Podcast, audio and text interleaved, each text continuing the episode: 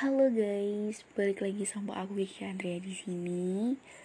Uh, sama seperti semalam sebelumnya sih, aku akan membawakan cerita sebelum tidur, cerita pendek tentunya, untuk menemani malam kalian. Langsung aku bacakan aja, semoga kalian suka. Terasa lagi, apa kamu merasakannya? Entah sudah berapa kali dia bertanya, tetapi aku tetap tidak merasakannya. Satupun kata tidak bisa keluar dari mulutku. Meski keinginan itu begitu kuat untuk menjawab, dan aku tahu jawabanku tidak akan memenuhi harapannya. Aku hanya ingin bisa menjawab pertanyaannya. Ya meskipun aku tidak pernah mengerti dengan pertanyaannya. Mengesampingkan hal itu, Aku ingat bagaimana pertemuan awal kami yang dipenuhi tanda tanya. Waktu itu aku dengan segala ketakutanku akan dunia. Pertama kalinya menunjukkan diriku pada berpasang-pasang mata di sebuah kedai di pusat kota. Hanya dengan sweater berwarna kuning dan kepala aku tutupi dengan tudung, perempuan yang kini ku sebut sebagai Hikari itu duduk di meja pilihanku. Waktu kedatanganku dengannya berselisih lima menit. Suasana kedai sangat ramai dan sesak. Namun semenjak kehadirannya, aku seolah-olah disepuh. Matahari pada dinginnya berlapis-lapis es yang mengurungku dalam sebuah ketakutan. Beribu-ribu pintu terbuka dan seolah memberikan pilihan di saat aku sudah tidak memiliki satupun lagi pilihan. Beratus-ratus jendela dan tirai tersingkap membiarkan kesejukan sang angin masuk dan menyapu jutaan peluh yang bersimbah membasahi pakaian. Bisa kukatakan, aku terkesima dengan kehadirannya yang tanpa pertimbangan memberikan sebuah senyuman padaku. Aku selalu berpikir apakah diriku yang menjijikan ini masih memiliki harapan untuk dekat dengan seseorang. Lapisan-lapisan es yang mengurung diriku melebur sejak senyuman Hikari tampak di kedua mataku.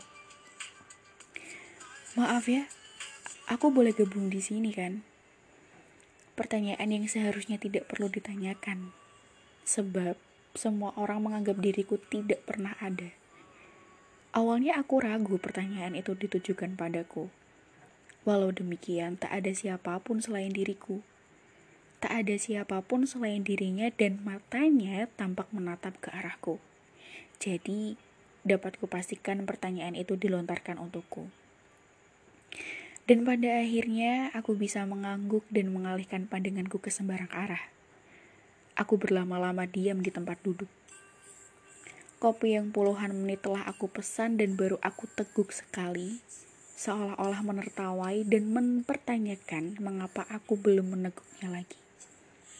Aku rasa aku tidak perlu menjawabnya, sebab yang ku bisa hanya menatap sosok di hadapanku yang tengah fokus dengan buku bacaannya. Sesekali perempuan berkacamata itu menyumbingkan sisa-sisa rambutnya yang mengganggu. Bola matanya yang hitam legam dapat kusaksikan terus bergerak mengikuti setiap kata yang tertulis di dalam buku yang ia baca. Sesekali dia tersenyum, Suaranya yang ringan kadang terdengar sekali. Meskipun itu sepertinya tertahan untuk tidak disuarakan dengan volume tinggi. Tak terasa pertemuan singkat itu telah membuatku tersenyum tipis. Aku berakhir di sini sekarang, di tepi tebing tanpa pembatas dengan pemandangan laut yang menghambar. Apa kamu merasakannya? Pertanyaan yang sama terus berulang. Sampai pada akhirnya dia menatapku dengan sebuah senyuman sambil berkata, Distorsia, hatiku yang kamu buat berirama. Seolah seseorang memetik senar-senar di dalam jiwaku, dan itu adalah perasaan yang membuatku merasakan distorsi saat bersamamu. Kamu tahu, itu adalah kata-kata terakhir yang dia ucapkan sambil mengulurkan tangannya ke arahku. Kupikir akulah yang tak punya harapan, sebab alam yang selalu tunduk padanya, semesta mencemburuinya, sehingga dia melompat dari atas tebing dan berakhir tragis.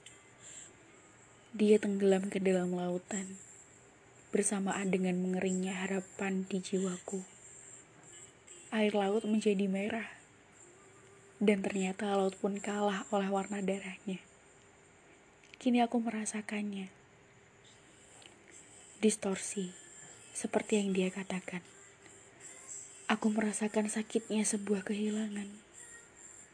Tidak lagi aku bisa memikirkan hal selain wajahnya yang tersenyum ketika melompat dari ketinggian ini. Apakah sebegitu cemburunya alam padaku?